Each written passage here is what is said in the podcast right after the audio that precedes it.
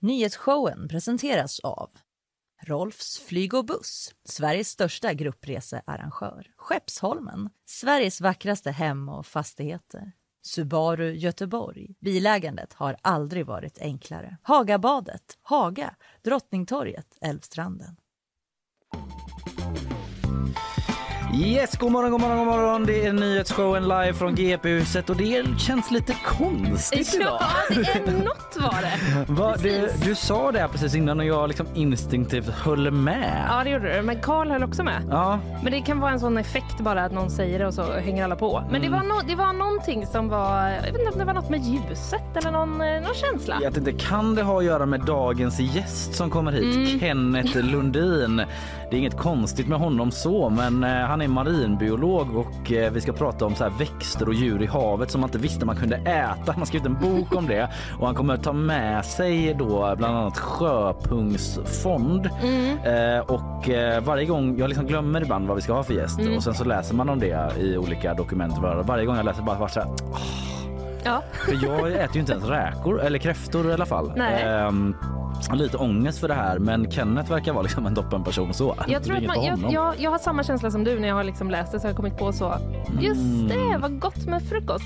Men, eh, men jag tror att han kommer liksom vara peppig. Ja det tror Så att jag. det bara kommer smitta av sig. Och man får också gaska upp sig. Jag är Ja. inne på en resa där jag ska inte bli så kinkig med Ja. mat. Eh, Och den eh, börjar rivstarta här. Eller den är redan igång men den får liksom en sån kickstart mitt i. Ja. Men det blir också väldigt intressant. Han är ju marinbiolog Kenneth och vi ska snacka om liksom Liksom, eh, vad man kanske ja, kanske måste äta i framtiden också Mm. när vi måste nyttja resurserna på ett annat sätt. Det blir spännande. Sen ska jag snacka om senaste dygnet i Ukraina i fördjupningen. Det har hänt väldigt mycket. Vatten och el utslaget i stora delar av landet, till exempel i Kiev, huvudstaden.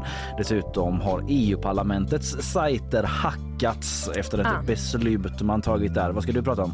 Eh, Jag ska prata om Uppdrag gransknings eh, program som sändes igår kväll. Det eh, handlar om spermiedonationer Mm. och om två män som har blivit pappor utan att veta om det eller att ha velat det. Liksom. Ja, just det. Mm. Ja, sätt det flimra förbi. Vad intressant. Eh, vilken jävla grej att få reda på ändå. Ja, Mm. Eh, sen då eh, kommer vi också... Jag har läst den här eh, floskelordboken. Eller snarare GPs artikel om det. Eh, det är en forskare som liksom sammanställt olika floskler inom näringslivet. Skrockade på ganska gott när jag läste om den i morse.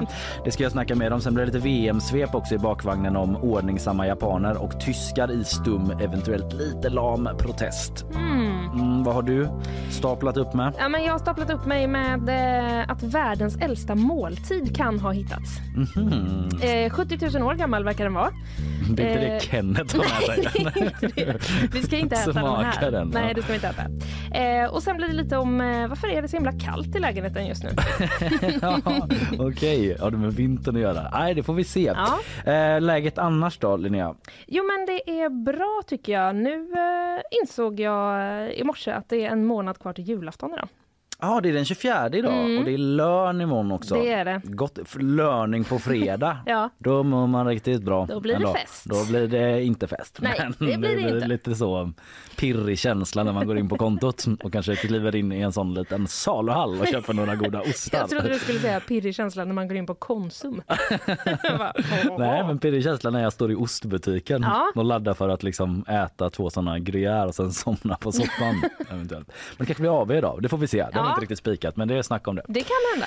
Ja, ja, men eh, så är det. Du hade någon liten, eh, vi tar några kortisar va, innan vi drar igång. Mm. Det gör vi. Jag eh, vill prata om Riksbanken. Mm. De är aktuella idag. Idag, ja och nu för tiden. Ja, Väldigt verkligen. aktuella. Högst aktuell instans. Ja, verkligen. Idag kommer eh, nytt räntebesked. Ja. Är du spänd? Ja, lite, men eh, jag vill inte tänka på det för mycket för Nej. jag sitter ju med bolån och jag Mm. vet ju att de kommer gå upp. Så det är ångest. Ja, eh, det väntas en ganska stor räntehöjning. Mm, säga då. Tackar, tackar. Eh, japp, varsågod. Eh, men det är ju för att eh, försöka bromsa inflationen. Och Mm. eh, det här är ju också det sista räntebeskedet som Stefan Ingves kommer att lämna. Ja. Någonsin. epic Ja. changing of the guard. Ja, verkligen. Kanske att han lämnar något privat räntebesked någon gång, det vet man inte. Men det är i alla fall det. In this capacity Ja. as riksbankschef. ja, i den här rollen så är det hans eh, sista räntebesked som han kommer lämna. Känns kan lite sorgligt. Ja, lite trist. Han har nu varit med länge Ja. känns det som. Absolut, Ja. det är min känsla också. eh, men jag undrar också, jag tänkte också lite så, tråkigt för honom att sluta mitt i liksom en lite kris Mm, som vi har. Men det. det. är också bra för att Riksbanken är på tapeten. Ja, Så det är liksom uppmärksammat. han ändå. slutar på någon sorts topp och då menar vi en inflationstopp. Ja, exakt. Ja, eh, men det väntas bli en stor eh, höjning och så här säger Jens Magnusson, eh, chefsekonom på SEB, alltså banken då, inte Statistiska centralbyrån. ja. Eh, så här säger han till Ekot. Jag tror att det blir en höjning med 75 punkter, 0,75 procentenheter. Och man gör det helt enkelt för att man är stressade och pressade över den höga inflation vi har som ju i vår del av världen, Europa och Sverige, inte har pikat och vänt ner än utan fortsätter uppåt och då måste man ta i för att få, bukt med den. Perfekt. Man hörde sucken från dig där. Ja. Var det 0,5. var jag. Jag undrade först om det Nej, var det han. var- Men Nej, det var det jag var som gjorde det instinktivt. att jag- 0,75 procentenheter. Ja, ja nej, men det är blytungt. Är det. Ja, men då eh, blir det så. Det är som många andra experter som också är inne på att det blir en höjning med 75 punkter då, som man säger. Eh, och då blir den nya styrräntan 2,5 procent. Mm. Och det är ju, det har ju höjts ganska mycket på kort tid, för i maj så var den noll. Och Ja, nu, är vi in- på, mm. ja, nu är vi på 2,5 procent. Så Det det, går ju, stört. ja, det går väldigt fort. Men det är Stefan som liksom legat på nollränta typ en hel karriär där. Ja, vi har ju till och med legat bara- på minus. Ja, Så det har minusränta. varit liksom eh, sett sprätt på pengarna Så fest. bara, jag ska bara höja räntan här. Hej då! Mm. Exakt. Parachutar måste- ut ur något fönster. Precis. Jag måste bara fixa det här innan jag drar. Så, och så vi. Nu är det tillbaka. Vet man vem som tar över? Det kanske inte du kan svara Ja, på. eh, det vet man och jag har läst det. Men, Det är en kvinna? eh, nej, Nej. det tror jag inte. Jag tror att det var en eh, man som tidigare jobbat på Finansinspektionen. Mm, låter ju rimligt. Eh, vi ska se här. Ja, han ersätts, Ingves ersätts vid årsskiftet av Erik Tidén, Mm. avgående chef för Finansinspektionen. Okej, Erik. Lycka till med Mm. Ja, det det blir tufft. Ja. Mm. Klockan eh, 9.30 så kommer de med det här beskedet. ja, vi eh, sitter som på nålar. på under en minut. Det låter snabbt. Det är snabbt. Ja, lite om mitt eh, senaste samlag där. Nej, Men jag skojar, herregud. Tvungen att dra det skämtet igen. Också otroligt om det var någon polis som skulle rapportera om. Uttalat sig om det. Står utanför mitt hem typ. Det är snabbt. Ja, jag har tittat. Klockar in på under en minut. Du, en liten annan kortis innan vi drar igång här. Breaking news! Mm. En mordgåta är löst som är 300 år gammal. Ett cold case. Oj, ja, verkligen cold case. Mega cold Ja. case eh, om en megakändis på den tiden. Antagligen är det löst i alla fall. Lite bummer, men det är svårt att säga helt säkert. Det handlar såklart om, du har säkert redan listat ut det, Karl den XII som ju dog i november 1718 utanför den belägrade fästningen Fredriksten i Norge. Detta mytomspunna ske- skeende i svensk historia. Du känner säkert till de klassiska konspirationsteorierna. Var det hans egna soldater som sköt honom? Ah. Var det med en knapp från hans egen uniform? Var det det som sänkte karn och avslutade hela svenska stormaktstiden? Typ. Ja. Hur Eh. skjuter man ens med en knapp? Alltså, Har man Ja. petat in den i någon slags... Ja, då ska ju någon, om den teorin stämmer, då ska ju någon liksom ha gått och bara eh, ja, antingen plockat, Plockat den. loss den, så, Ja. eller att den har fallit på marken, plockat Ja. upp den och så bara liksom jag vet inte om det var du vet, så när man sopar pistolen Ja, innan, ja. liksom, om det var den peta ner den och så bara Pjong. boing bakifrån så att det var en egen soldat. Men det verkar inte vara den för nu har finska forskare hittat svaret menar de på. Eh, det är ju nämligen så att man har undersökt det här flera gånger. Karl XIIs lik har grävts upp flera gånger och undersökts och Oj. jag antar att man ofta varit så nej, vi hittar fan ingenting. Har du spaden? Och så bara ner med han igen. Men nu Eller bara så, det var ett tag sedan sist. Ska vi, ska vi gräva lite? någon forskare vaknar så på natten och bara Fan, jag tänkte på en grej nu. Har du spaden? så bara igen typ, nej, det var fan inte det. Ehm, eh, men nu har de här, rätts, eller de här forskarna använt sig då av rättsmedicinska, rättsmedicinska forskningsmetoder. Some CSI shit alltså. Man har även använt sig av provskjutning, provskjutningar. Men förlåt, jag bara undrar, vad har de använt sig av innan? Känsla och Mm, ja. uppskattning? Felmedicinska så. Nej men jag vet inte. Jag vet inte men de har gjort det. Det kanske man har gjort innan med och använt sig av provskjutningar. Jag vet inte om de själva har stått med sådana olika järnkulor och bara sopat kolvet eller sopat mynningsröret där och bara Nej, det kan, förlåt, jag är kvar i Ja. rättsmedicinska och felmedicinska. Orimligt kul. Ja. Felmedicinska Felmedicinska. Det var det man hade innan man kom på de rättsmedicinska. Länge jobbade man så innan någon bara, vänta lite nu. Eh, De har också tittat på de senaste dödsorsaksrapporterna då skriver vi på GP i vår artikel. Ja, jag förstår inte exakt vad det innebär men det är det man har gjort i alla fall. Och eh, de har undersökt storleken på det här kulhålet i kungens filthatt. Han hade ju en sån och det finns ett kulhål i den och kollat på röntgenbilder av kraniet då, skottskadan och eh, slår fast en gång för alla vad som hände. De blir mythbusters för det verkar inte ha varit soldater, svenskar då, som sköt sin egen knug och ingen knapp heller. Eh, för det troliga är att det handlar om en järnkula på 20 mm i diameter som for med en hastighet av 200 meter per sekund. Och den hastigheten motsvarar då eh, hastigheten för en kula som skjutits från fästningen. Eh, alltså 200 meter bort, den norska. Eh, så det var alltså förmodligen en norsk kula då som släckte Karl Ja. den 12. Eh, så nu får vi se då vad Varbergs fästning, om de ska slänga sin jävla knapp i mässing som de ställer ut där. det! Den har du sett? Det kanske, ja, den har jag absolut Ja. sett. Men det är ju superfake i så fall. Ja, ja. Very fake. Fast då blir den kanske liksom eh, utställningsvärd för att det var den man trodde jättelänge. Exakt, bla, den blir ju utställning för legenden då Mm. liksom. Och att det väl fortfarande är en himla gammal knapp. Ja, det är det verkligen. Och det har ju inte, det hör ju hemma på, eh, på olika museum. På olika museum, ja. Himla gamla knappar. Det om det.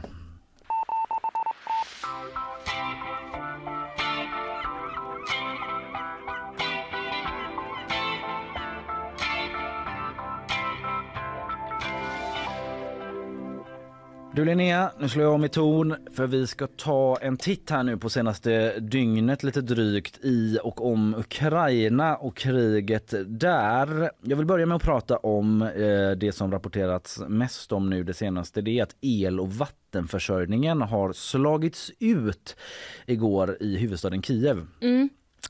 Det är efter en ny våg av ryska attacker och bombningar då mot civila mål och infrastruktur. Och även i Lv- Lviv i västra Ukraina så saknar man el och vatten enligt Ekot och på flera platser i hela landet. Det handlar liksom om miljoner ukrainare som nu eh, inte kan tända sina lampor eller få vatten i kranen och så vidare. På sina ställen har den kommit tillbaka också liksom, men det är fortfarande väldigt många drabbade. Och eh, Eh, det som eh, flera bedömare säger då att det är tydligt att Ryssland nu har eh, i invasionen skruvat upp attackerna just mot infrastruktur och energiförsörjning då.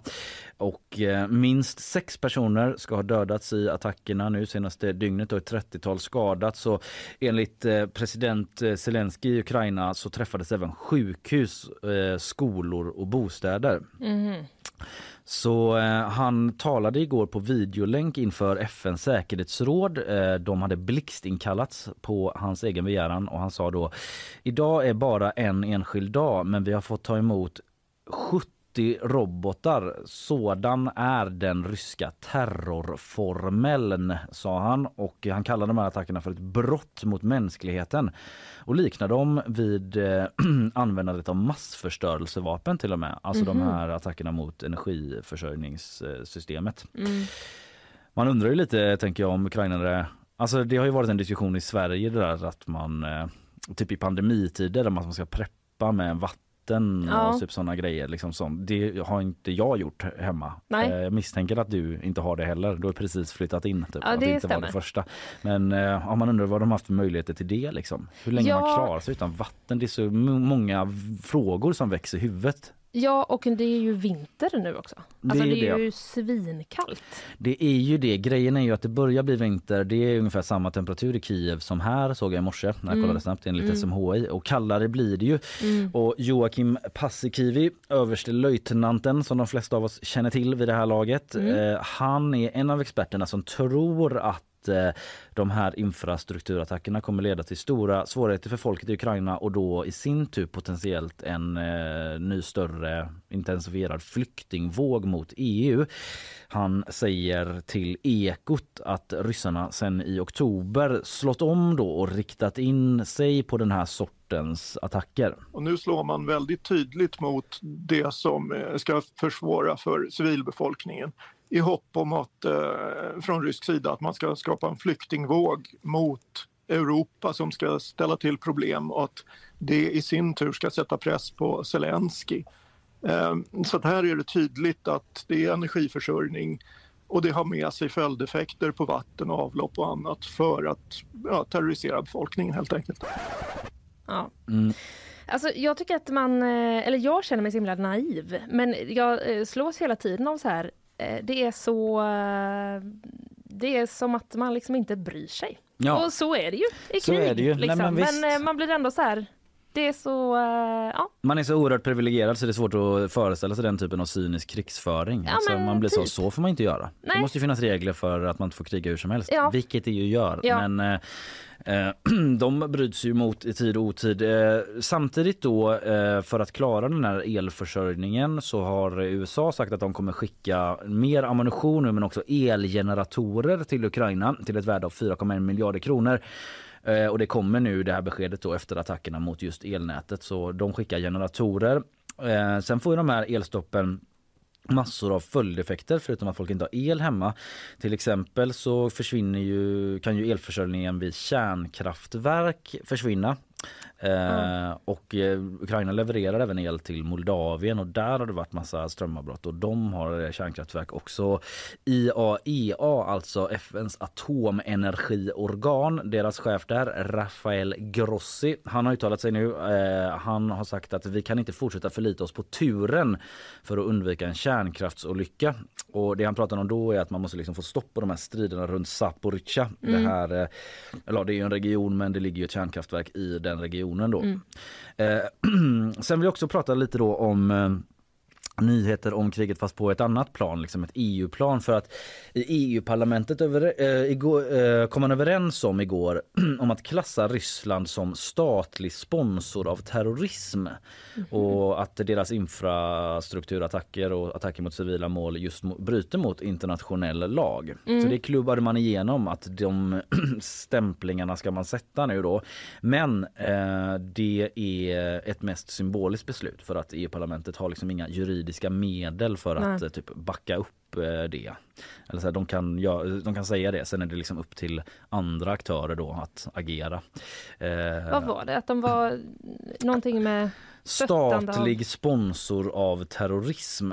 Mhm. Eh, det är faktiskt en eh, svensk ledamot, Charlie Weimers från SD som eh, liksom ligger bakom den motionen typ, som Okej. röstades igenom. Men är det att det ska vara, att, är det att man menar att det är terrorism, det de har gjort nu? Ja men att de backar, alltså som exempel då, en sak som hände omedelbart efter att man klubbade igenom det här skriver SVT i alla fall, det är att det kom uppgifter om en hackerattack mot parlamentets hemsidor.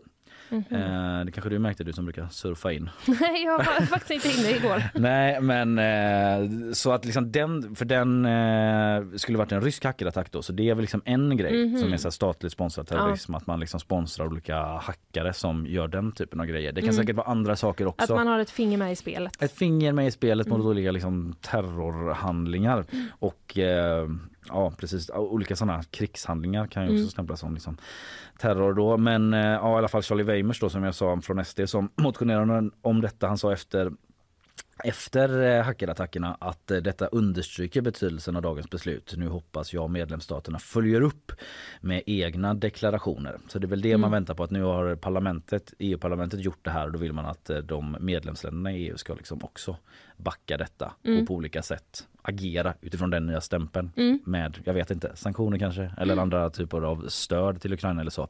Det är jag inte expert på på något sätt men eh, en annan svensk ledamot, eh, Abir Al-Salani från Centern säger att eh, det här är inte direkt den smartaste metoden för att få oss att ändra oss på punkten om att klassa landet som en terroriststat. Vi kommer stå upp mot Putins försök att söndra och tysta EU. Eh, så eh, ja, det kanske inte var det de tänkte Ryssland heller. Nej. Nu ska de ändra sig Nej. när vi hackar deras sidor. Men eh, ja, i alla fall, det är delvis därför då som man eh, har klubbat igenom den terrorstämpeln. Eh, det var allt jag hade att säga för den här gången om Rysslands anfallskrig mot Ukraina.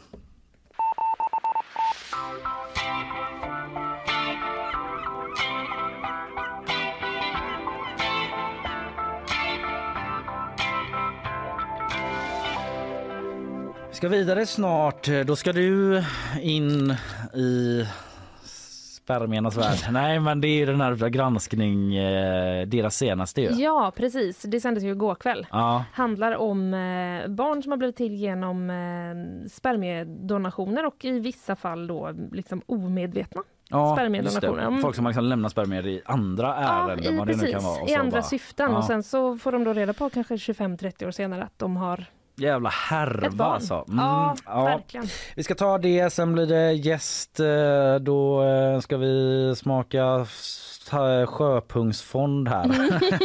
det är marinbiologen Kenneth Lundin som kommer. Han har skrivit en kokbok typ om grejer man kan käka i havet som man kanske inte visste att man kunde äta. Ja. Eh, Men först innan allt det så ska vi ha lite sponsormeddelanden. Nyhetsshowen presenteras av Rolfs flyg och buss, Sveriges största gruppresearrangör. Skeppsholmen, Sveriges vackraste hem och fastigheter. Subaru Göteborg. Bilägandet har aldrig varit enklare. Hagabadet, Haga, Drottningtorget, Älvstranden.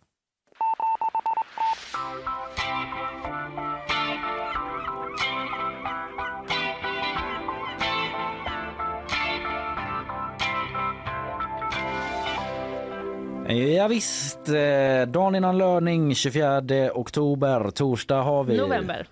Vad sa jag? Oktober? Oktober. Igår så sa jag till det. Isabella som är inne i studion nu att jag bara ja, så är det ju på måndagar. Måndagar. Ja. Isabella såg ut som att Alltså, hon hade jag- blivit typ mega gaslightad till att alla ja. prankade henne. Ja. Ja, Fast du fann det på en halv sekund. jag gjorde det. Ja. Imponerad av mig själv. Men jag var, alltså jag vet att jag också kollade på Emelie som producent. Jag först kollade på henne, sen kollade jag på datorn. Vilken dag är det? Det är jag som är helt jävla väck alltså. Eh, det är torsdag idag, det är november och det är du som är Isabella Persson. Det Det är stämmer. jag. Ja, Det och det är du som kör lite nyheter för oss eh, här. Varsågod.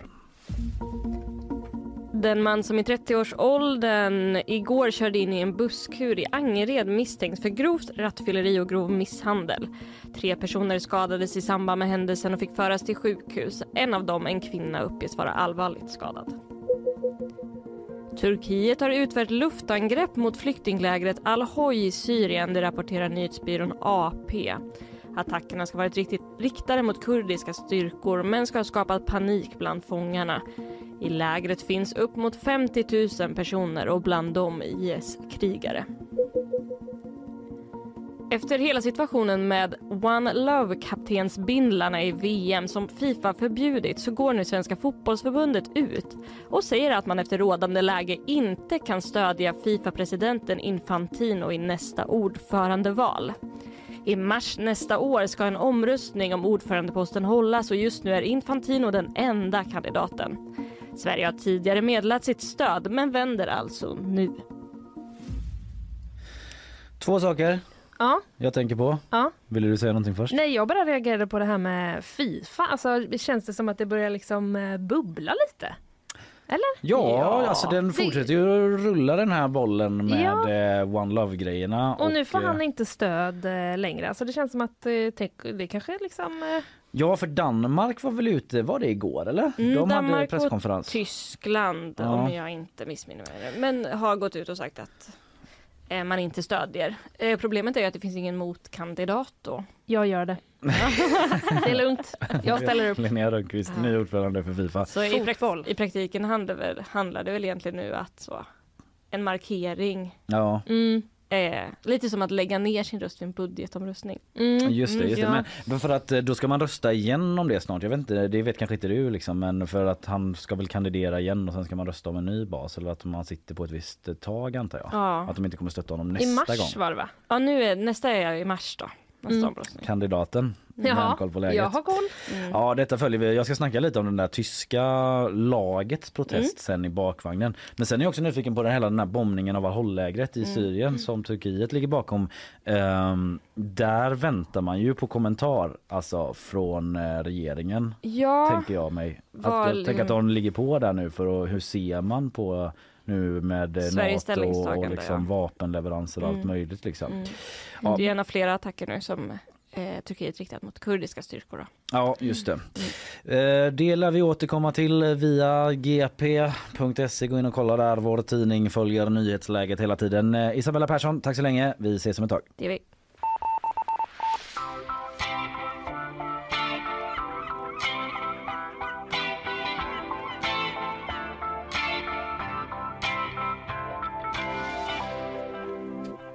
Ja, nu ska vi då prata om eh, Uppdrag gransknings senaste program Mm. eh, som sändes i eh, går kväll. Och det handlar då om barn eh, som har blivit till genom eh, insemination Mm. och eh, spermiedonation.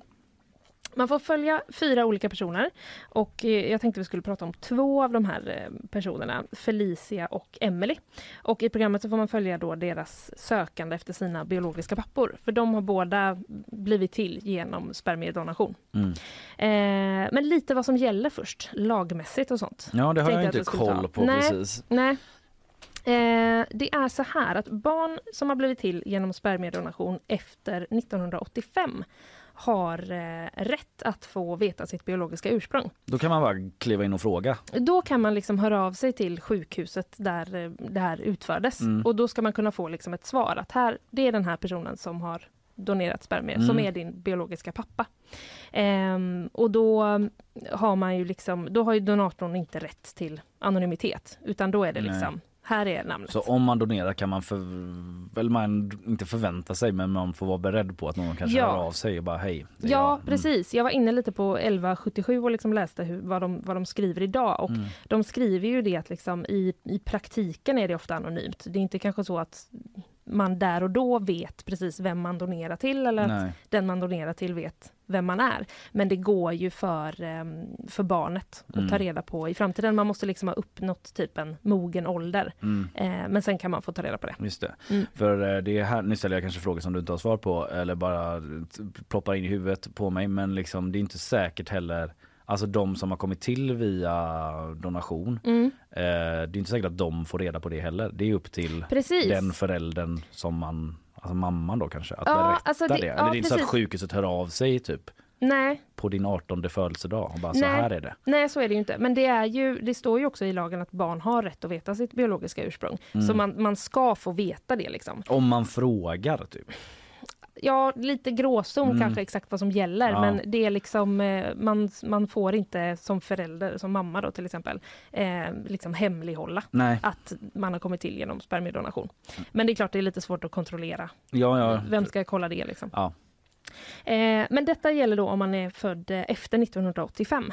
Ja, just det. Är man född före 1985, då eh, har man liksom inte den här lagstadgade rätten att få veta vem det är som man har eh, donerat. Och ofta var det ju så då att de personerna som donerade innan 85, de kanske tänkte liksom att det här gör jag anonymt. Mm. Eh, så det, då, då har man liksom inte rätt att bara höra av sig och garanterat få ut namnet. Nej.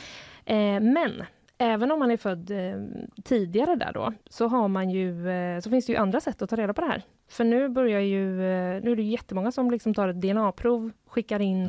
till DNA-databaser för att få liksom, eh, där är din kusin och där är Mm. din syssling och sånt där. Du är 2% så syrier. Ja. Eller den typen av grejer. Ja. Man kan kolla jättelångt bak till och med. Ja, Mm. precis.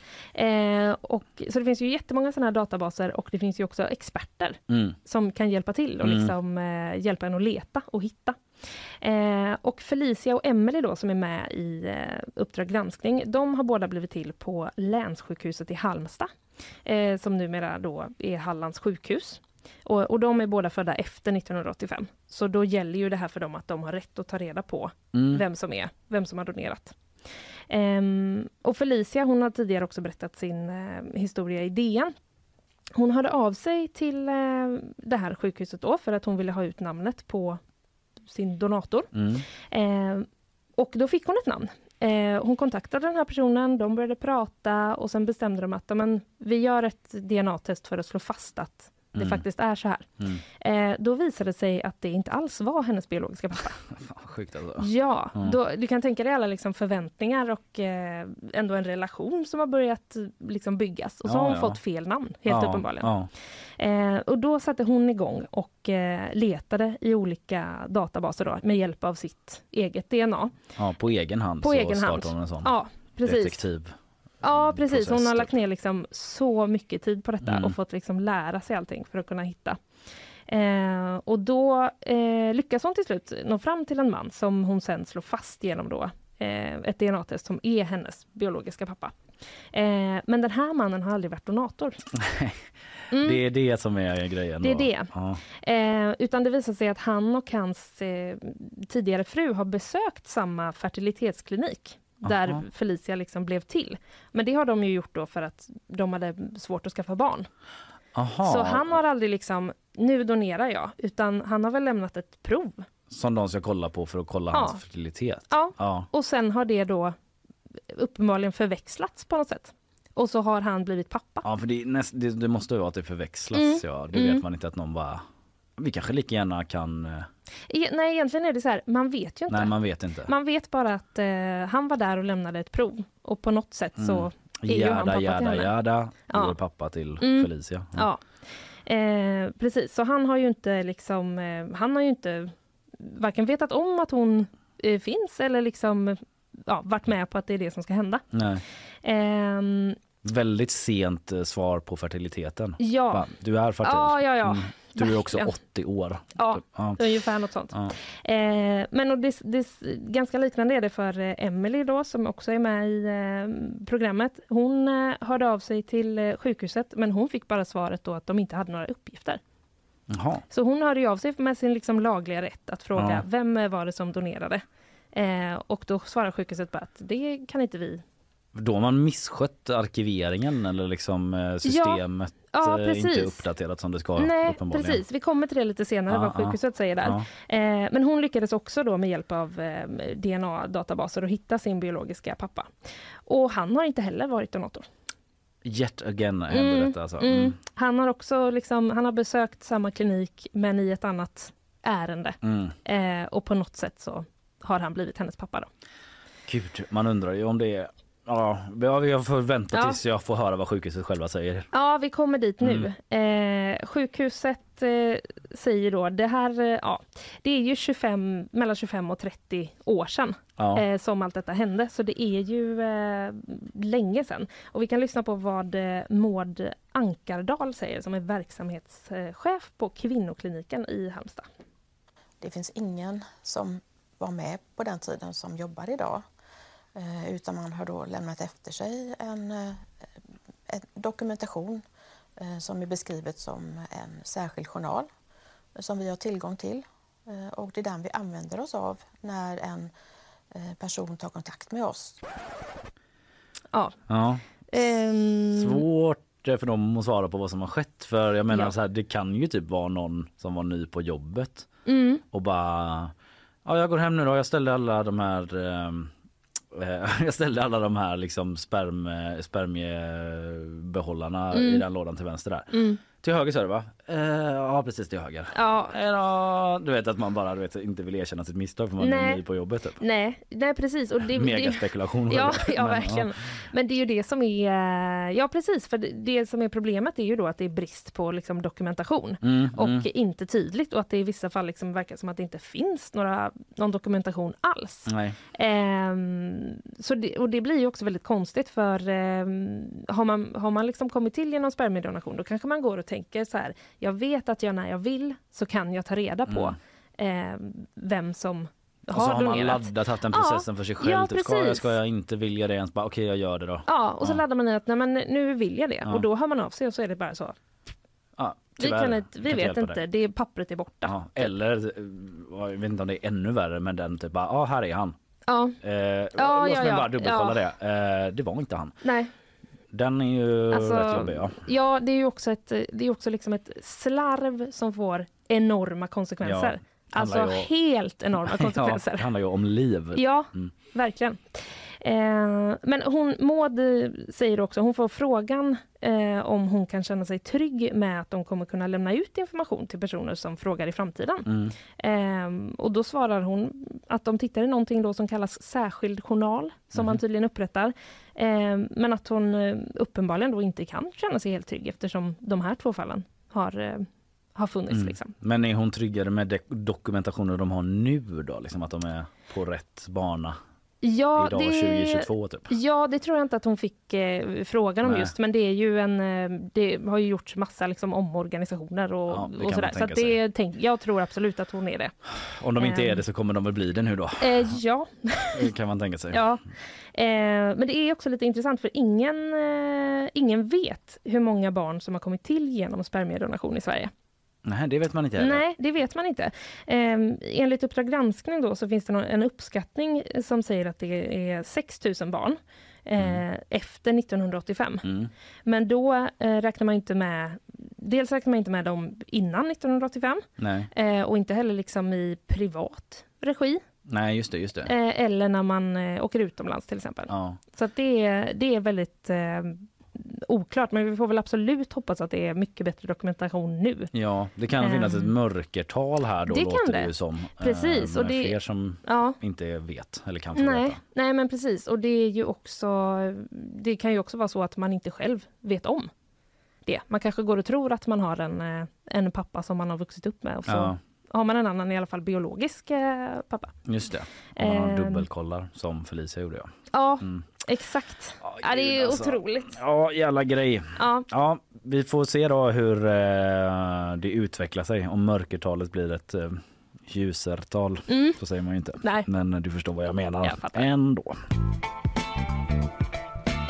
They had these red, how do you call them? Uh, freckles. Freckles. Freckles. Sorry? Freckles. Freckles. Om en stund eh, så får vi gäst Kenneth Lundin. Eh, Då snackar jag om marinbiologen Kenneth Lundin på Naturhistoriska, Naturhistoriska museet här i Göteborg och docent vid Göteborgs universitet. Eh, Vi ska snacka om växter och djur i havet som man kanske inte visste att man kunde äta. Och vi ska bli varse att det kan man visst. Det ska vi ska få smaka på lite göjs från havet han har med sig. Han har skrivit en kokbok, Sjömat, den ätbara mångfalden i havet. Vi snackar lite om det. Kom- Också öppna en sån här marin ekologisk eh, farm typ Ja, i Göteborg. Ja. va? Kolonilott är det ja. Ja. Eh, Den snackar vi lite också om, den Mm. var nyfiken på. Eh, Men innan vi gör det så blir det lite sponsormeddelanden. Nyhetsshowen presenteras av Rolfs flyg och buss, Sveriges största gruppresearrangör. Skeppsholmen, Sveriges vackraste hem och fastigheter. Subaru Göteborg. Bilägandet har aldrig varit enklare. Hagabadet, Haga, Drottningtorget, Älvstranden. Kaffe klunkas, du laddar upp Linnea. ja jag är sugen på frukost, eller? Ja, jag har fan inte ätit någon frukost Inte idag. jag Jag inte med det. Så det blir sjöpungsfond då som eh, Ja. jag slurpar i mig det Ja. första jag gör idag förutom kaffe då. Gott. Eh, Vi ska släppa in Kenneth här, marinbiologen och eh, fylla på eh, med kaffe brukar jag inte säga. Jag vet inte om jag ska göra det idag ens. Men vi är tillbaka om en liten stund. Ja. Eh, hej hej. Yes, nu händer det grejer. Ja, vi har dekorerat om hela studion nästan. Ja. Plockat bort skyltar och... En man har kommit in i studion. Där tog mattan slut helt abrupt. Ja. Den låg länge där. Den mannen heter Kenneth Lundin. Han är marinbiolog eh, på Naturhistoriska museet och docent vid Göteborgs universitet. Han har med sig en jäkla massa burkar och Tupperware och liksom eh, korvbröd och snäckor och allt möjligt. Vi ska prata om olika saker man kan käka i havet som man kanske liksom inte...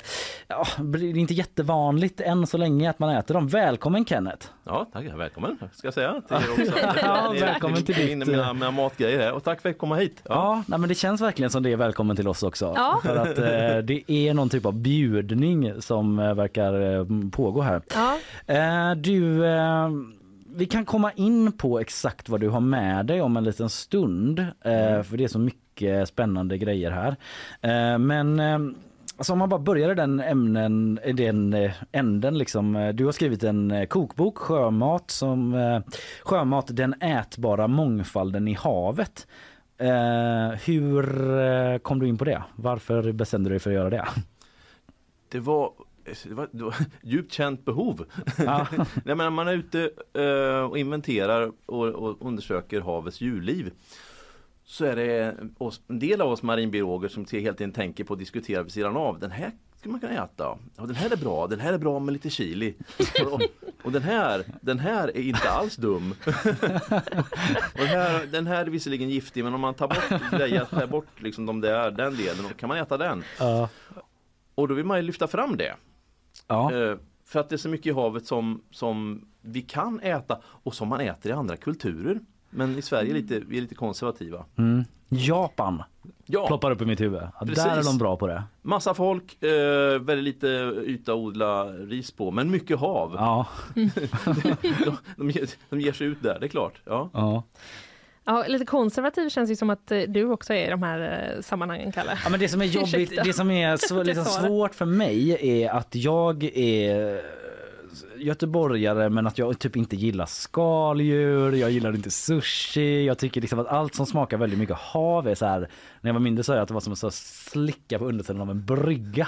Det liksom är så här, den känslan. Jaha, jag tycker det låter nästan gott. Ja, jag förstår det, många gillar ju den smaken här i stan inte Ja. minst. Ja, jag gillar taste. ja, ja, men, men grejen är Ja. också att jag känner mig inte så himla barnslig med det. Eh, Så jag vill ändå göra ett försök liksom och lära mig. Och nu känns det som det blir någon sorts eh, liksom chockstart på den resan när jag tittar på de här sjöstjärnorna vad det är som ligger i dina burkar. Ja. Men eh, jag undrar bara, hur, när du har liksom, eh, har du testat dig fram bara sådär, tittat på någonting och varit så, det här testar jag att äta? Eller hur har, hur har du liksom kommit fram till vad som, vad, är, vad som är gott och vad Ja, som går till- att äta? Till viss del så finns det ju sånt som uppenbarligen andra har testat liksom. Mm. Som med, med, med havsanemoner så finns det en som heter ätlig havsanemon och då inser man att det måste ju vara någon, någon misslyckad fiskare med stor familj som har gått någon dag och letat, prövat sig fram. Och, men de kanske någon av de andra också går att äta. Så att det är bra om man har lite, lite baskunskap. Men det är ungefär som plocka svamp. va? Mm. Eh, Man har lite koll så här. Men så kan man testa sig fram. Finns det liksom havets flugsvamp då? Ja, du vet att det är någon sån här som ja. eh, det här eh, kanske folk kan råka plocka men det är livsfarligt. Jag fattar att det finns massa Ja, farliga ja. grejer i havet typ men eh, Jo det finns. Ja. ja. Något exempel? Jag, jag, jag har här. Du har med det till den? Den, en burk så här. Ja, för nu för de som inte tittar då så eh, håller Kenneth upp här nu en burk. Ja, beskriv. I den här burken finns det någon svart grej som ett svart nystan. Mm. Det här är långsnöre. Det, det är världens längsta djur. Den Oj. kan sträcka på sig och bli 50 meter. Man vet inte, det är svårt att dra i den. Eh, den Väldigt bra namn ändå deskriptivt. Ja. Vad ska vi kalla för det här som ser ut som ett långt snöre? Ja, långsnöre. Linné kallar den för Linnaeus longissimus, alltså lång, längsta. Ja, men den här är busgiftig. Den är så så giftig så att tar man i den så, så domnar fingertopparna. Den är vanlig när- på västkusten Jaså. om man dyker. Jaha. Den ligger på botten och har sig. Mm. Ja, den ligger som ett som eh, snöre som försvinner bort i en skreva. Det är om man dyker då man kan se den. Just det. Den är inte ganska äta. smal i liksom diameter, någon centimeter så. Ja. Så det är som en lång eh, elsladd liksom som man kan Ja. snava på. Ja. Ja, då ska Det- vi inte smaka ur den burken, ska Nej. vi komma ihåg allihopa. Kan vi, ja vi lämnar den. Eh, den har släktingar då Ja. som är lite varningsfärgade ofta. Den eh, julklappsmasken. Ja, jag känner jag inte släkt till. inte den? Nej. Nej. Julklappsmasken. Om du ser en mask som ser ut med ett rött paket med vita snören så är det den. Ja? Ja, för Återigen bra namn. Ja, återigen bra namn. Eh, Ja. för, det, för den här eh, långsnöret har ju ingen sån varningsfärg riktigt. Nej. Den är väldigt grå liksom. Den är eh, grå ja. ja. För Ja. att det, det brukar ju skriva, typ som flugsvampen har just den här ät inte mig grejen. Har Det är hört om. tydlig varningsfärg ja. Ja. ja. som Men inte i det funkar här på, oss, fallet. funkar på fiskar och, och fåglar. Ja inte den här. Nej. Nej. Men av eh, det du har testat, vad är det absolut liksom äckligaste du har smakat? Det äckligaste. ja, det, det var en sån bakvänd fråga. Ehm, många goda grejer finns det. Ehm, Men det är inget som har varit så, oh den var bäsk. Mm. Det här stryker jag i kokboken. ja. Liksom. eh, ja, ehm, sjöpung Eh, Mm. så, så finns det en art som, som heter tarmsjöpung. det är en bra kombination av tarm och pung. Ja. Ja. Och, men den är god. Faktiskt för, Mm. förvånansvärt god. Speciellt om man tar ut den här gältarmen den har innanför och som den samlar mat med. Tänk på det där hemma. Umami, Mm. jättemycket. Och då finns det då 50 arter av sjöpungar i Sverige, massor då. De flesta är liksom lite hårda och, okej. och och fleråriga och de är beska, de är inget goda. Det- Men jag ville testa i alla fall. Va? Men Ja. just den här tarmsjöpungen den växer snabbt och blir 20-30 centimeter lång. Ja, nu håller du upp en till behållare här då. Ja, Eh, det, det, här, det här är en, en eh, glasburk då som syltad av August Malm, han som, han som fixar den här Malmska ma- valen? Malmska valen ja. Oj! Världens enda monterade blåval överhuvudtaget. Alltså den som är på Naturhistoriska? Ja, som man kan öppna, öppna gapet på och Ah, träffa tomten ibland när det inte är corona. Ja. Mm. Så han var så, nu är jag klar med det, dags att sylta sjöpung. Ja, sylt, det var, det var det han gjorde till vardags när det inte plötsligt fick upp någon val så här, så man släppte, då släppte han ju allting liksom. Och, och sprang, och sprang. Släppte sjöpungen. Ja, Vi ska ju till Askim nu, det ligger en val. Ja, precis. Han fick fälla ner sitt skägg. Han brukar knyta upp det bakom ryggen när han mikroskoperar. Fan har Ja. August, eller vad hette han? Inte August Palm. Han, Malm. August Ja. Malm Fällt ja. ner skägget. Nu händer det grejer ute i Ja. viken kan jag tro.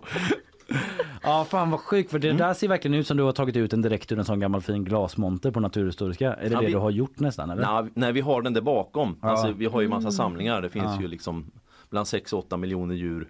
Massor, det är smockfullt där bakom. Men är det den där vi ska smaka på? Inte exakt Jo, den kanske? Ja, jo, kanske just exakt den. Är det så? Ja, det, den. Eh, Vadå, är den typ så jättegammal är den liksom? Eh, jag, vad jag tänkte skulle ni fundera på att smaka lite grann att man gör, det finns ett, en, firma som heter Marine Taste i Stenungsund som Ja. gör en fond på de här, eller en, en garum då man lägger den i, i, eh, med, tillsammans med salt och sen så Mm. stänger man in, ner ett lock och så väntar man ett halvår. Ja, för nu håller du upp en liksom producerad flaska här Ja. eh, som kommer från en legit matproducent Yes. vad det ser ut som. Ja. Sio- Siona kallar man den då, Ja. för att det heter den på, på vetenskapligt språk. Mm. Inte tarmsjöpung, Nej. utan sjöpung. Eller umamifond. Bra val ändå liksom i matbutiken. Ja, Att bra branding. Ja, ja, men, men man menar, inte alla fiskare är jättevackra. En torsk ser inte så jättefin ut men Nej, den nej, man är nej. van vid. Va? Så Ja. det är liksom Mm. det som är inkört. Men du har också med dig nu när vi är inne på vad du har med dig då för du har med dig korvbröd här också. Det har du inte fiskat upp i viken utan det ska vi ha till någonting. Sjökorv, finns det? Sjökorven, ja, det här är faktiskt ja, ja, det Ja, helt på- vanligt. Pågens Ja. ja, göteborgskt. Ja. Ehm, Vad ska du ha det till? det tänkte jag om ni vill testa redan nu. Ja, visst. Ja. Eller kan, Ja. ja. Jo men i alla fall den gamla hederliga rätten med, med, med eh, halv special. Ja. Ja. Mm. Så, så finns det en annan variant, att man, den göteborgska varianten, man byter ut korven mot en bläckfisk. Mm. Halv bläckfisk special.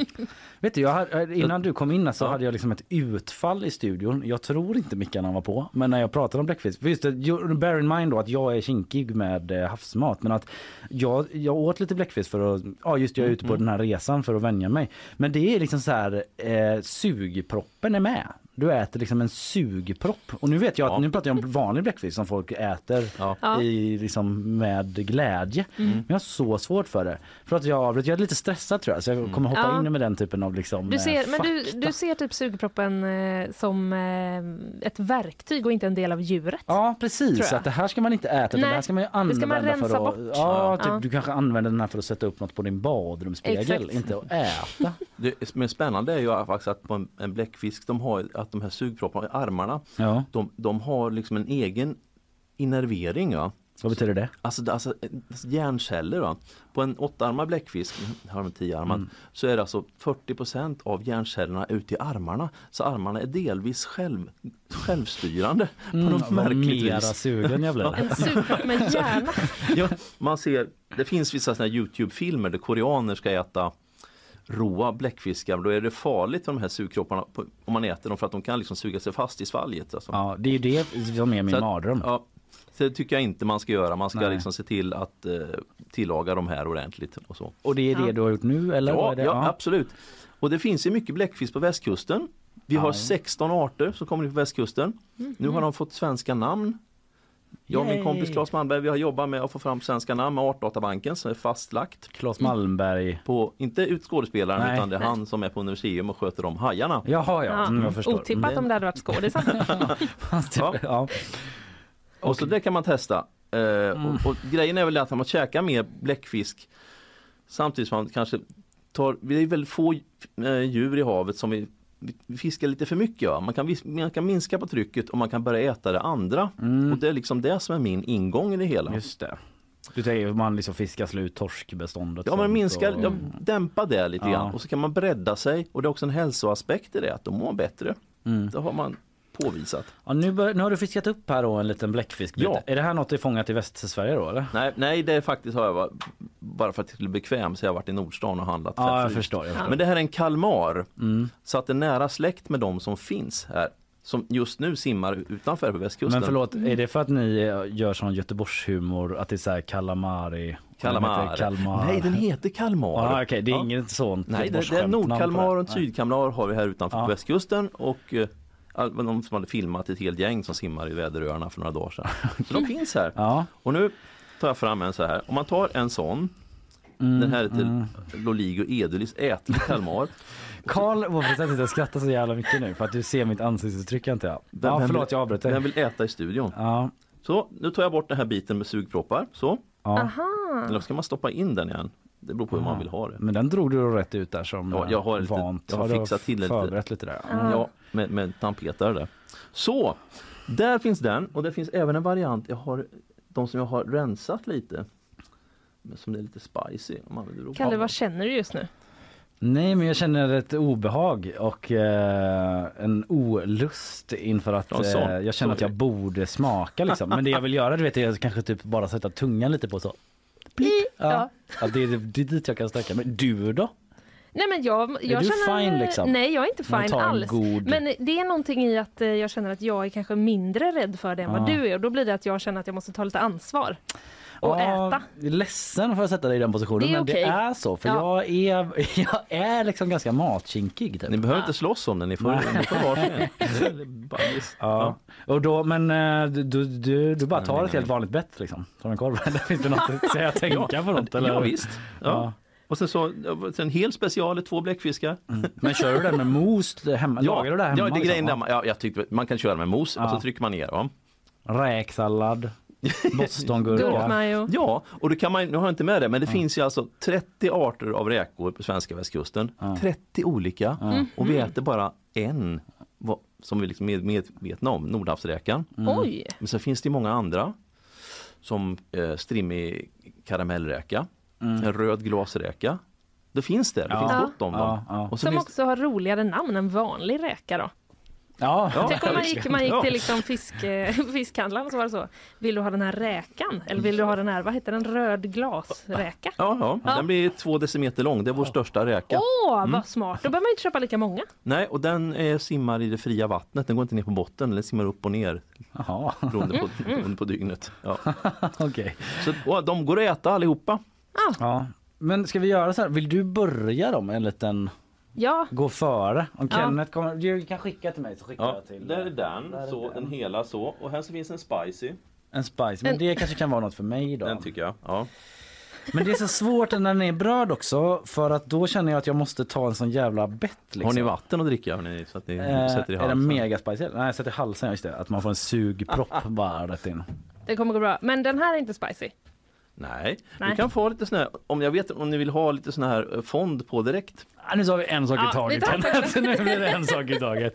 Eller Okej, musselpulver. du börjar. Alltså jag, jag kan fatta, det är säkert många som tycker det är skitlöjligt att jag är så nervös över det här. Men det, sån är jag. Ja, jag Ja. är också sån. Ja, Vi gör det tillsammans. Ja. Jag tror att jag kommer attackera den här liksom, eh, uppifrån. ja, uppifrån och inte från sidan för då måste jag äta så mycket bröd innan jag kommer in. Mm, Jag hör dig, jag hade resonerat på precis samma sätt. Ja, vad är det du har i din? Det är också någon bläckfisk? Bläckfisk som är lite chi- chili. Ja, just det. Ja. Ja. Det Ska finns vi, ingen sån här eh, jingel trumvirvel någonstans de har. Ja, det skulle vi förberett förstås. Kom igen nu skriver Karl. Ja, okej, förlåt, men då gör vi samtidigt Ja, då. äter vi.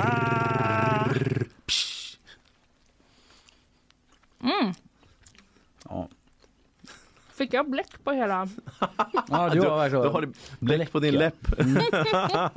Okej, det var inte så farligt. Inte så dumt. Inte så dumt.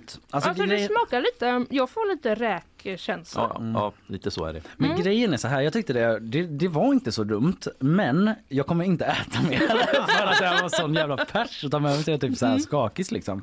Eh, och att jag känner, för det är lite så jag har känt med räkor ibland också. bara där liksom, att bara, det här var inte så gott eller så dumt. Och sen äter jag några stycken och bara "Åh!" och får jag typ panik i efterhand. Det är en psykologisk grej. Det är en psykologisk grej. Mm, ja. Ja, just det, du kör den. Du liksom Lady och Lufsen Right. den eh, lite grann Ja, så. du behöver inte ladda innan du ska ta ett bett liksom. Ja. Men det här att eh, det är alltså bläck då på Linneas underläpp just nu. Det, det får man leva med. Men italienare har ju det för att eh, färga eh, spaghetti sort. Är det smak på bläcket mycket? Nej. Liksom? Nej. Nej. Och det är ingen fara med det? Nej. Nej. Nej, det hoppas jag verkligen eftersom det är i min kropp här nu bläcket. Okej, men ska vi liksom eh, ta oss in på den här eh, umami-fonden från eh, Sjöpungen då? Nu när jag har mjukstartat med den här Ja, chili. jag vill äta det här så länge. Ja. Ja, alltså jag känner att liksom eh, det här är ju så gott som en eh, typ så torr lins köttfärssås. Man kan ha med sig. Det här är ju bättre. Ja, Det finns ju en riktig smak. Jag är ju Liksom. fel person att uttala mig men absolut liksom så här, jag känner ingen större skillnad mot eh, till exempel att käka kräftor liksom. Nej. Då är det här typ godare. Måste jag säga. Okej, Och nu, nu är inte de här nybokade för det gjorde jag igår kväll. Nej, det förstår Ja, jag. man Har du får dem-? Ja, Ja, okej. i, i, i eh, olivolja. Men om man gör det bums så blir de ju fräscha liksom. Så. Ja, den var ju god, gott kryddad. Det är Ja, du som har ja, gjort det. Ja. Ja, ja det, var, det var väldigt gott. Vad har du för kryddor på den då? Eh, Chili? ja, där hade jag lite chili, ja. Lite gojsade på lite grann såna här mm, Ja, eh, bönsoj, beansoj curd med chili. Ja. den var god. Okej, Är det så, förlåt, Ja. är men jag bara, måste bara fråga, när ni har liksom så marinbiologs AV eller så Ja, träffar, ja, ja. är det då en massa olika bläckfiskar och sånt som ni käkar? Ja, absolut. Ja. Och som sagt, olika små eh, blötdjur man kan hitta, små olika snäckor och musslor och eh, kanske någon manet ibland. Ja. Det går också att äta. Ja. Men du, eh, alltså om man bara, mm, alltså den här typen av mat då, tror du att det är framtiden? ja, Att det absolut. här kommer vi, vare sig vi vill eller inte, börja vara tvungna att liksom käka? Kanske jag har en Men- negativ liksom, rubrik på det hela men ja. Jag, jag, jag tror att det blir breddas, dels kanske globalisering ehm, och att, men att man breddar sig vad som finns och det är också så som vad, vad som förändringar i, i havslivet. Och man kan ju också se till liksom mängden av mat att det finns väldigt mycket mera räkor och eh, maneter och bläckfiskar än, än fiskar. Om man då har eh, överfiskat de stora rovfiskarna och behöver liksom så här stänga av det ett tag för att de ska återhämta sig. Då kan man börja ge sig på annat. Och det är spännande också när vi som vill pröva nya smaker. Ja, för man hör ju mycket om, eh, ganska mycket om insekter som mat. Ja, Och sånt mjöl och sånt liksom. men grejen av insekter, de har ju nästan inga muskler. Nej. De har ju nästan inga muskler alls, så att, till skillnad mot kräftdjur då. Mm. Insekterna har ju utvecklats ur kräftdjuren då. Men insekter har ju nästan ingenting, så fåglar måste ju äta massor med insekter för att få i sig något. Det blir bara som ett knaprigt skal. Ja. Och Eller okej. samma sak med spindlar, inte heller så mycket muskler. Då är det att föredra mm, tycker du då med eh, Absolut. havets Ja. läckerheter så att säga. Men om man, eh, om man som jag tyckte att det här ändå hade något Mm. eh, och liksom vill börja testa själv och käka lite grejer från havet. Mm. Vad, vad rekommenderar du att man börjar med? Om jag vill gå ut och fiska upp min middag. Du kan börja eh, på årstid då. På sommaren då kan du testa strandsnäckor. Är det såna liksom vanliga kubbung, kobbong, eh, så här, som, ja, vanliga såna små strandsnäckor det hittar vi.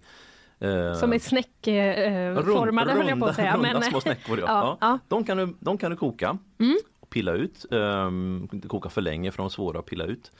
Ehm, ja, så det är sånt, sånt de, de, ja, de äter i England, Mm. Frankrike, Spanien och sådär. Så att det, det är normalt vanligt käk. Det är konstigt på ett sätt att inte det är mer eh, inne i kultur, matkulturen här. Ja, ja. I och med att det, man äter liksom eh, sniglar och snäckor Ja, och sånt ja. i Frankrike typ. Där, Det kryllar väl av det här? Det engelska ordet seafood Ja. som är exempel på det är ju så att då är det, det innefattar både fisk och allt, allt möjligt då, skaldjur och allt Mm. Men i Sverige har vi det här, vi separerar det här. Ja. Fiskar är är vardagsmat eh, och skaldjur är någonting exklusivt. Ja. Då, då tänker man på hummer, havskräfta, Musslor. nå- något sånt där, musslor. Ja. Det, men i Sverige, så, så just det här ordet skaldjur skaldjur och fisk. Ja. Istället så kommer det här med nya ordet sjömat som seafood, som är ganska, det är ett buzzword. Mm. Så att det eh, används av många. Det kommer men det är ännu inte i Svenska Akademins ordlista. Mm, Det är lite- kanske något att tipsa dem om. Ja, så att det är lite svengelska än så länge men det är därför jag pushar för det här begreppet sjömat. Ja, eh, det har vi fått lära oss om idag med eh, dig Kenneth Lundin, marinbiolog på Naturhistoriska här i Göteborg. Du har ju skrivit den här kokboken då Sjömaten, ätbara mångfalden i havet. Och jag får väl säga att jag eh, är positivt överraskad. Helt klart. Ja, jag tyckte du, alltså du har ju smakat. Ja, Det var tack. bra jobbat. Tack, det var ändå stort för mig. Ja. Eh, Kenneth, tusen tack för att du kom hit idag. Eh, vi kanske tar oss en liten hutt umami-fond eh, innan, innan du går ut här. Ja, ja, ja. Fyller på det på något vis. Men du, tusen tack. Eh, kan du mycket om bläckfiskar generellt? Ja, Jätte- ja visst, det är marinbiolog. Ja, vi har koll på dem. Ja. Du kanske vill komma hit och prata om eh, mitt stora fascinationsämne jättebläckfiskar någon gång? ja, det kan vi göra. Ja. Ja. Vilken sorts jättebläckfisk? Den, den tioarmade, den, den som finns Ja, längre det tar vi då Ja. Kenneth. Vi Ja. hinner med det mesta tror jag. Men du, tusen tack för idag. Ja, tack då. Hej!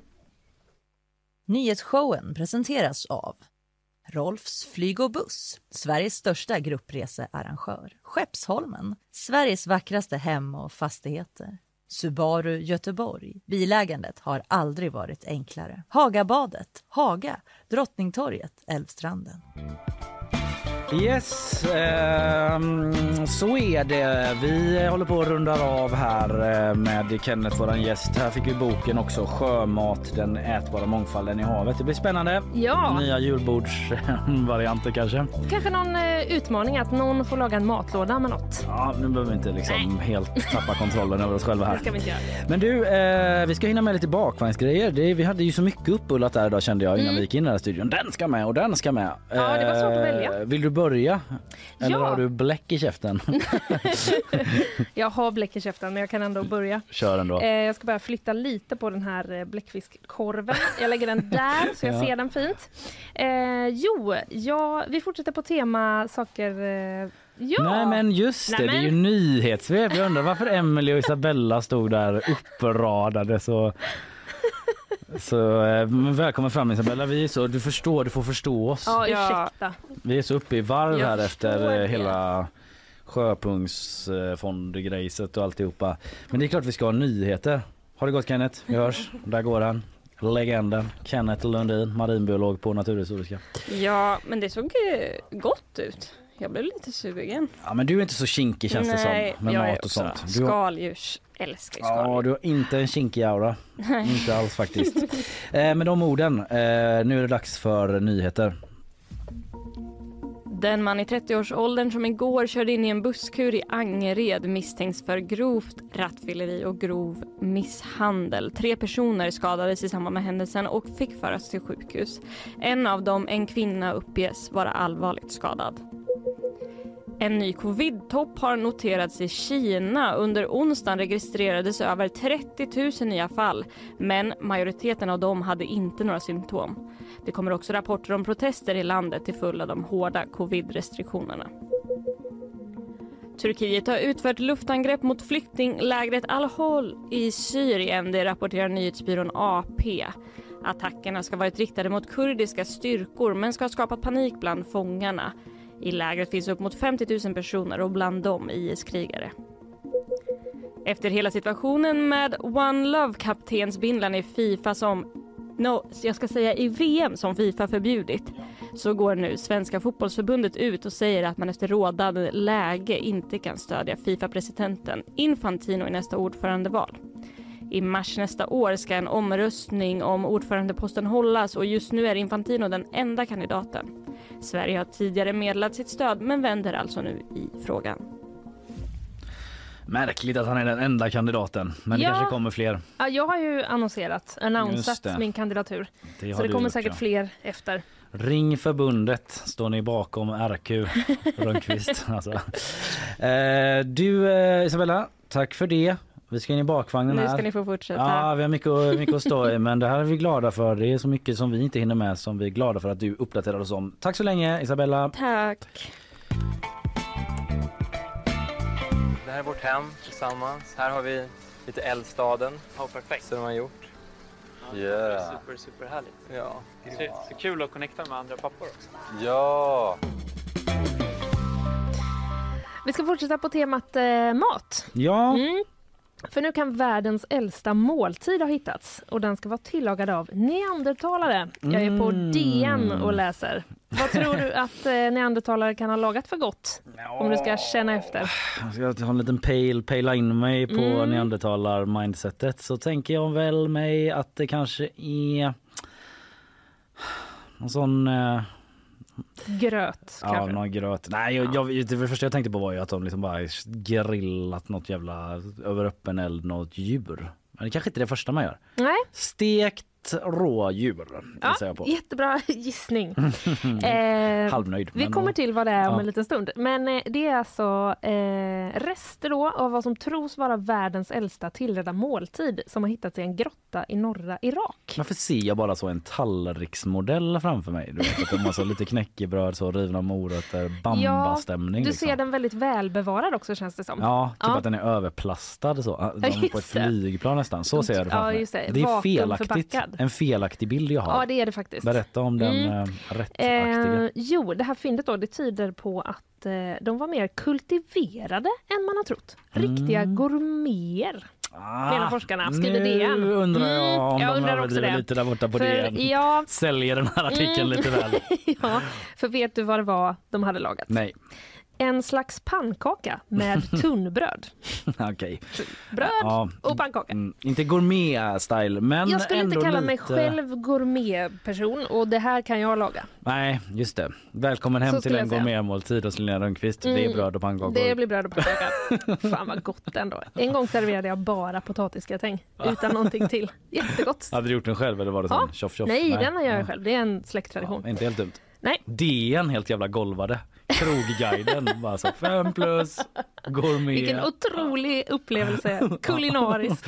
Ja. Ja, men vad var det i den här pannkakan då? Vet man det? Typ? Är det liksom ägg och mjölk och... ja, jag vet inte riktigt vad, ehm, vad det var. Men det, den här måltiden då, den tros vara cirka 70 000 år gammal. Mm. Och den låg i en av många gamla härdar i den här grottan. Okej. Så det är väl... eh, Här är någon sorts grav. Är det det? Jag fick för mig att det var någon slags typ urgröpning ja, ja, som ja. man har liksom använt för att Typ göra någon någonting. Ugn. Ja, eh, så här säger en professor, eh, Chris Hunt, till The Guardian. Han är professor i kulturell paleoekologi. Mm. Eh, våra fynd är den första riktiga indikationen på komplex matlagning. Frågetecken ändå. Komplex. Och därmed en matkultur bland neandertalare. Ja. Ja, men det är Ja. ju mer komplext eh, på ett sätt då än att jag tänkte att de bara slängde på liksom ett rådjur på elden. Att det ändå är Ja. en rätt, det är ändå två komponenter liksom. Ja, precis. För det- DN skriver också där att det har ju länge varit så att man har beskrivit neandertalarna som en mindre begåvad släkting som typ levde på bara ja, rått Mm. kött. Då. Men grillat kan det ju också... grillat och rått kan det också varit. Eh, det var en väldigt väl... Va? Det var väldigt välsmakande med en sorts nötig smak, säger den här eh, professorn som jag citerade tidigare. Men han kan ju inte ha... det? Nej men det här, jag förstår faktiskt inte riktigt. Har de Eh. återskapat den då? Eller för han kan inte liksom ja, bara... det Mm. måste, ja, precis. De har försökt återskapa den. Ja, Mm. just det. Så är det. Eh, men ja, verkar väldigt eh, speciellt ändå. En pannkaka som är 70 000 år gammal har eh, hittats. den vill man ha på museum Ja, verkligen. istället för den här knappen. Eh, Gud det- vad det låter, förlåt men det låter som att, eh, det låter liksom som att eh, jag känner igen mig i att man försöker förfina bilden av vilken mat man lagar. Eh, för nu, nu skriver DN att eh, fynden eh, visar att eh, dieter eller att stenåldersmaten var mångsidig och komplex med en matlagning som involverade flera steg. Mm. Det låter som jag när jag beskriver att jag har så skurit gurka och sen har jag lagt den på en macka. Ja, Ja. Det är neandertalarklass på detta Det- Linnea. ja, och då det menar jag det. det som en hyllning. Ja, Karl skriver att han liksom, han, eh, hans trendkänselspröt börjar spraka till här. Att det kommer så neandertalardieten typ. Alla kommer börja käka pannkaka i bröd. Gott ändå. Ja. Och kanske typ Kanske operera sina käkpartier som man ser ut som en riktig jävla neandertalare. Det är ju ändå lite återupprättelsens tid för neandertalare känner jag. Ja. Alltså här, att de var lite smartare än vad man trodde. De befruktar sig med oss vanlisar. Det var ju också någon nyhet som kom för ett tag sedan. Mm. Ja, Och de eh, kan laga pannkaka. Pannkaka kan de göra. Det blir dejt. På under en minut. Det låter snabbt. Det är snabbt. Jajamensan. Vi ska gå vidare nu då och prata om den nya floskelordboken som är släppt. Eh, Jag läser från gp.se, vår tidning. Experten kolon. Här är de värsta flosklerna inom näringslivet. Det handlar om författaren till svensk floskelordbok då, Fredrik Kullberg som har gjort en liten genomlysning här. Kollat på vad det är för floskler som dyker upp inom näringsliv. Ja. Och eh, jag hugger ju på det direkt. Jag älskar ju den typen av eh, närskådning av d- så den, den kulturen, liksom big business. Därför Mm. älskar den Silicon Valley-serien Mm. också, liksom, så här, Mm. när de lyckas fånga det. Ehm, men eh, Fredrik Kullberg då, han säger till oss på GP liksom att han hade gått och väntat på att det skulle komma en sån här undersökning. Eh, men eh, det kom aldrig. Så han eh, gjorde det själv. Mhm. Då gick han in och gjorde den här eh, granskningen då. Mm. Eh, och eh, han eh, skriver... Hur har han gjort den? Vet man det? Ja, alltså jag, jag, jag vet inte exakt faktiskt eh, hur han har, men han har liksom granskat språket då i olika pressmeddelanden bland annat förstår jag det som. Mm. Eh, och kanske till och med presskonferensen, nu gissar jag lite men eh, åtminstone han nämner så här olika pressmeddelanden och sånt och kanske typ på hemsidor vad man använder sig Mm. av för typ av språk och sådär. Eh, och och eh, han säger några grejer så här svepande, eller svepande men så generellt i början typ att eh, de här flosklerna kommer ofta från makthavare som använder ordmassor som inte betyder så mycket eller som visar sig betyda motsatsen av vad de verkar betyda. Att de kan eh, användas för att tona ner olika missförhållanden eller för att dölja maktanspråk. Eh, Eh, sen lite roligt citat så här. Eller för att förhöja betydelsen av det man säger eller dölja att man inte till 100% vet vad man pratar om. Oh. Typ så här, vi får eh, synergieffekter Ja, jag tänkte direkt i vårt på synergi. agila arbetsgrupp här typ. Något sånt där. Det hittade jag på men ehm, han eh, har lite olika exempel då, eh, men eh, han verkar liksom ha stört sig lite grann på det här. Så han får en fråga av GP, av vår reporter, är det något särskilt ord som fick din bägare att rinna över? Mm. Och han säger, That's it! Jag kommer göra en vetenskaplig undersökning. Så som man reagerar när bägaren, när topplocket går. Ja. bara. Då sätter man sig i forskarbänken typ. Eh, nej, det fanns inget sånt ord utan det var mer en te- tendens i, i eh, allmänhet. Men typ en grej som han verkar ha stört sig på eh, det är att han har typ suckat åt när det kommer pressmeddelanden och sånt. Det är att det finns inga problem längre utan alla står bara inför utmaningar. Mm. Eh, och eh, då, eh, då säger han sen då så här att ja, att det är väl en del av den här peppkulturen som kommer delvis från Silicon Valley och sociala medier med tummen upp. Att det alltid är så bara Typ, man reagerar på allting alla säger så här, tummen upp, ja. en smiley eller Härligt. liksom sådär, gå vidare från det liksom. Men att man eh, har någon slags idé om att alla som jobbar på ett företag inte ska vara så här bara, "Åh, fan vad jobbigt typ att vi måste hela tiden eh, Mm. göra den här nya eh, arkiveringen av det här Mm. utan bara så här, det är en kul utmaning. Mm. Typ en utmaning för mig att inte bli utbränd.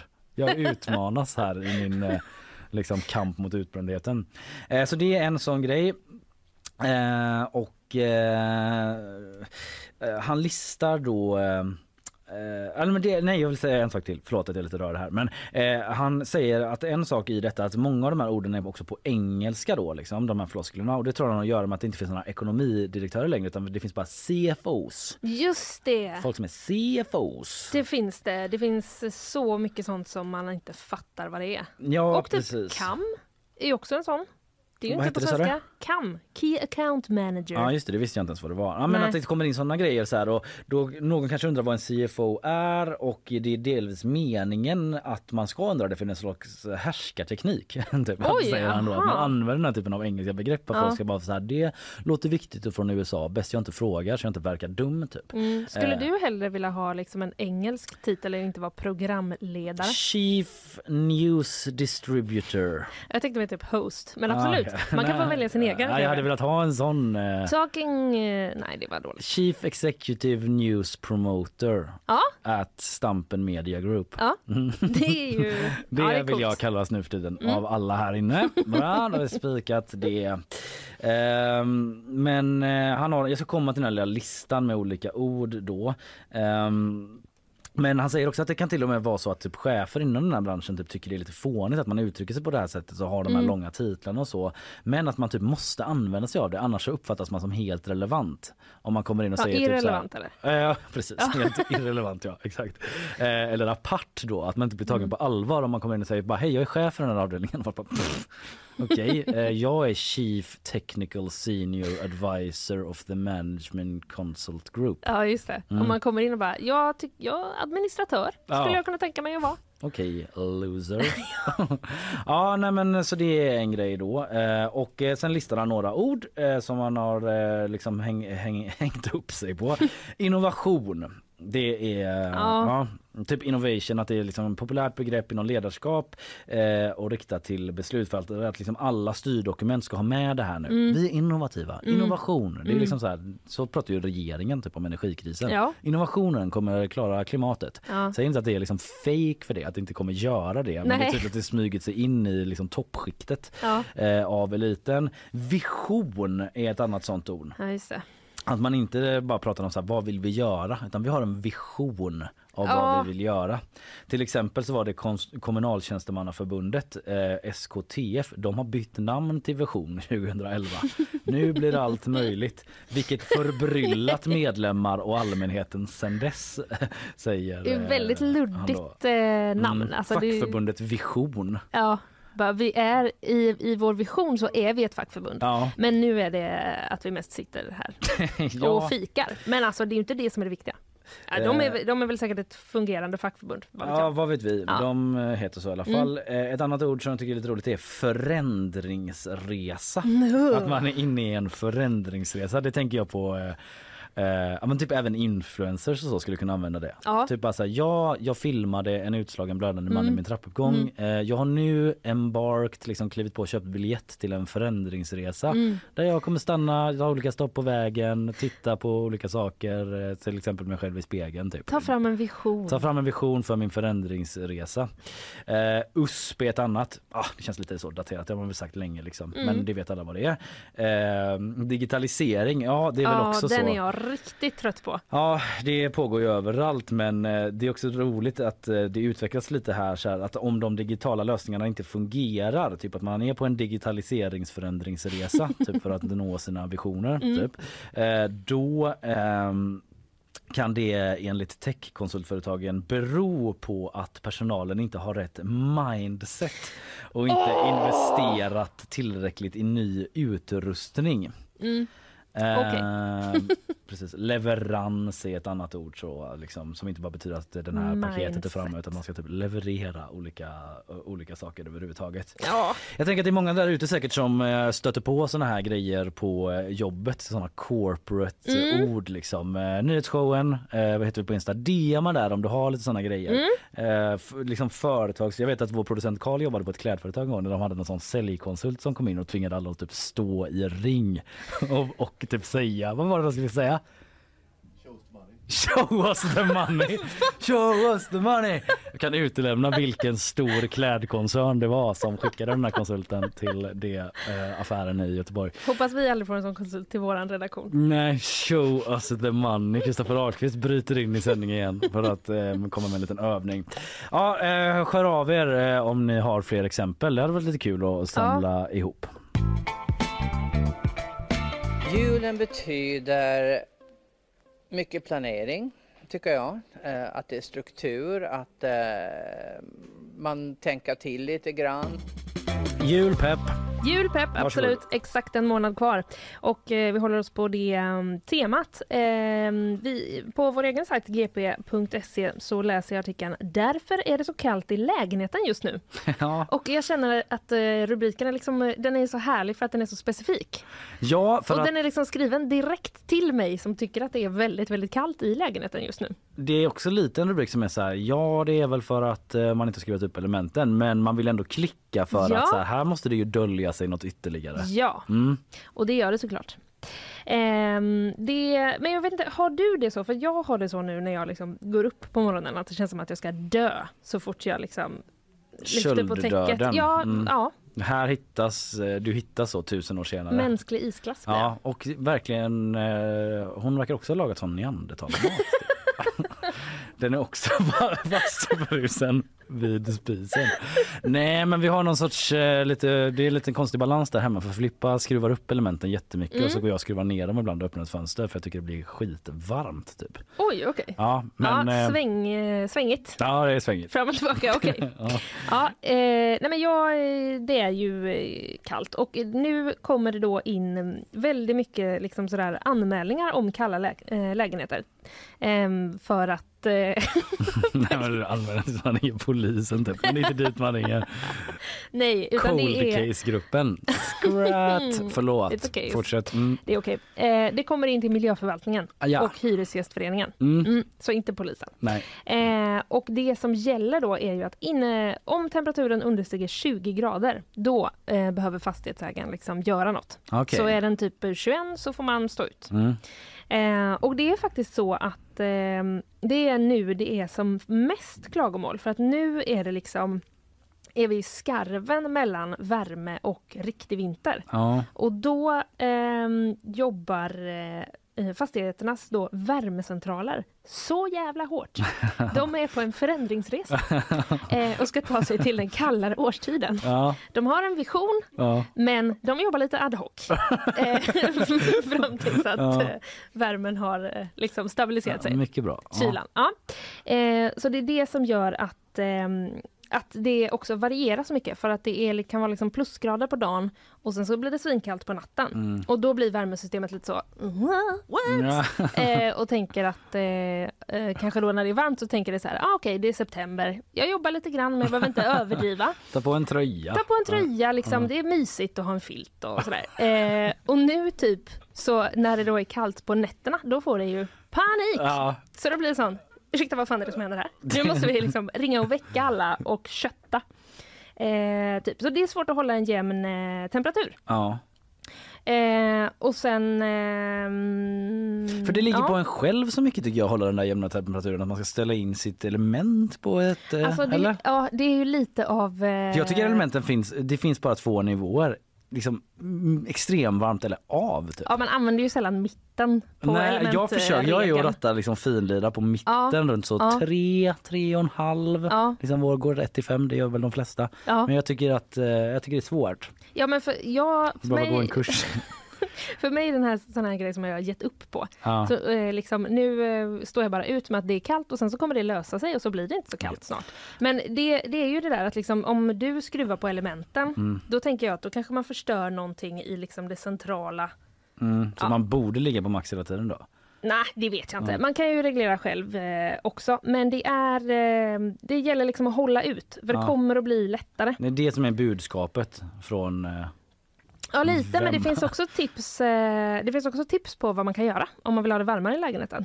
Okej, Mm. låt Vill du höra? Ja visst. Eh, det, till exempel då, eh, så ska bara se vem det är som eh, säger detta.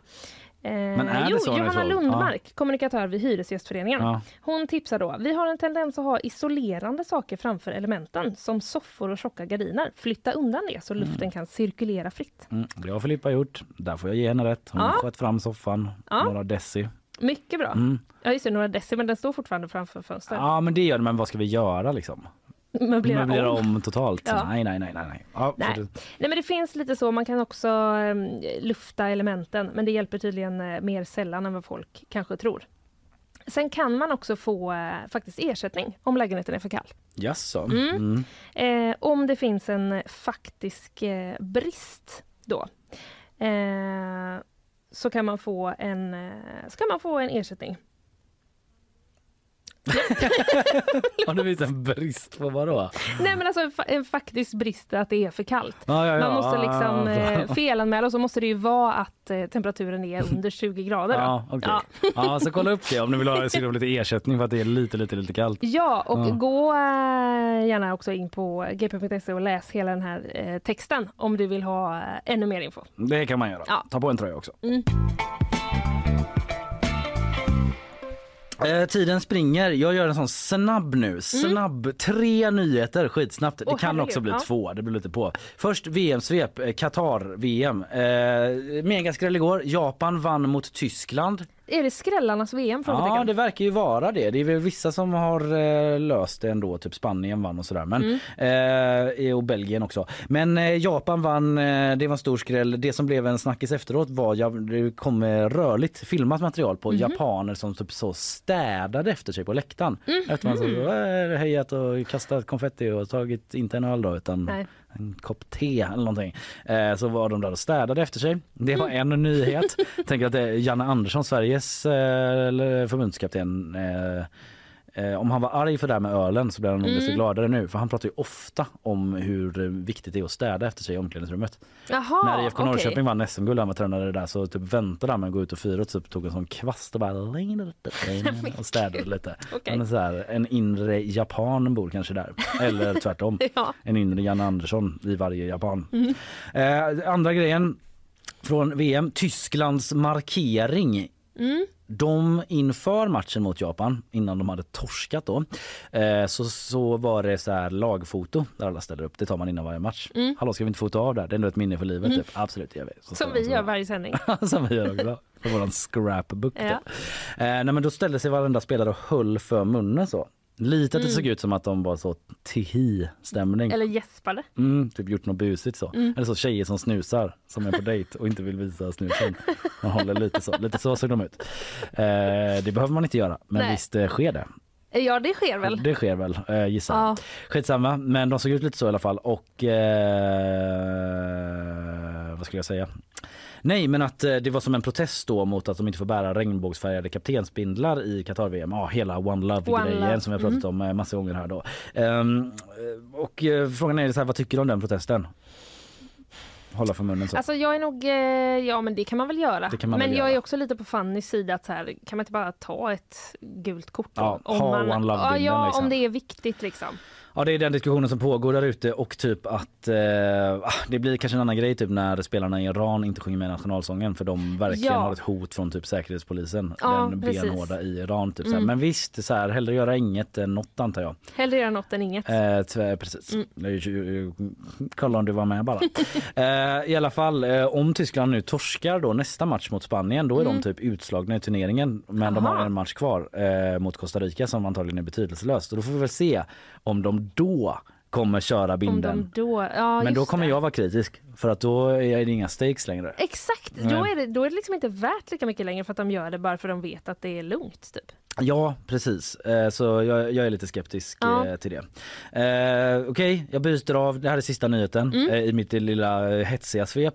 Eh, Det är så att eh, jag läser från Ljusdals-Postens Åh, rubrik. Ljusdalsposten. Ljusdals säger man kanske. Varför så varma känslor? Nej, jag har varma känslor för Hälsingland. Jag hade mitt eh, första journalistjobb där uppe en sommar. Ah, Okej, mysigt. Kanske vi får höra mer om någon annan gång. Mm. Kanske. Här är rubriken Stal Hesa Fredrik-tuta, satte den på A-traktor. Det är alltså någon som har stulit den eh, jättestarka Hesa Fredrik och satt den på sin A-traktor och nu har man eh, hittat det. Lät, kunde man få den att låta?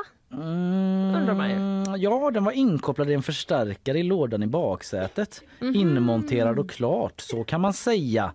Eh, att han blev ertappad med fingrarna i syltburken säger Peter Nystedt, räddningschef till, eh, på, eh, ja, där i trakten då, till tidningen. Mhm. Eh, så att det är någon som, det kom rapporter, eh, tips i förra veckan om att eh, det hade stulits de här Hesa Fredriks Mm. liksom, megafonerna. De låter ju svinhögt men ja, någonstans kanske det inte är exakt samma styrka då man kopplar in i sin epatraktor. I, although att de har jävligt potenta ljudsystem i epatraktorer. Ja, det när har de kör sitt eparunk och sånt. Det är ju en kombination som ger upphov till synergieffekter. Ja, det kan man säga. verkligen säga. Ja. Eh, en- Men det vore, kul, det vore annars väldigt härligt om det hade varit så att den, eh, den liksom var remote-styrd. Så att eh, man liksom hade snott den, hade den i baksätet och sen var det helt plötsligt första måndagen i en månad klockan tre och så bara... Man står vid ett rödljus typ. Ja, så bara började det låta. Ja, detta skett i alla fall. Men de tog honom på bar gärning och eh, nu är den eh, tillbaka lämnad.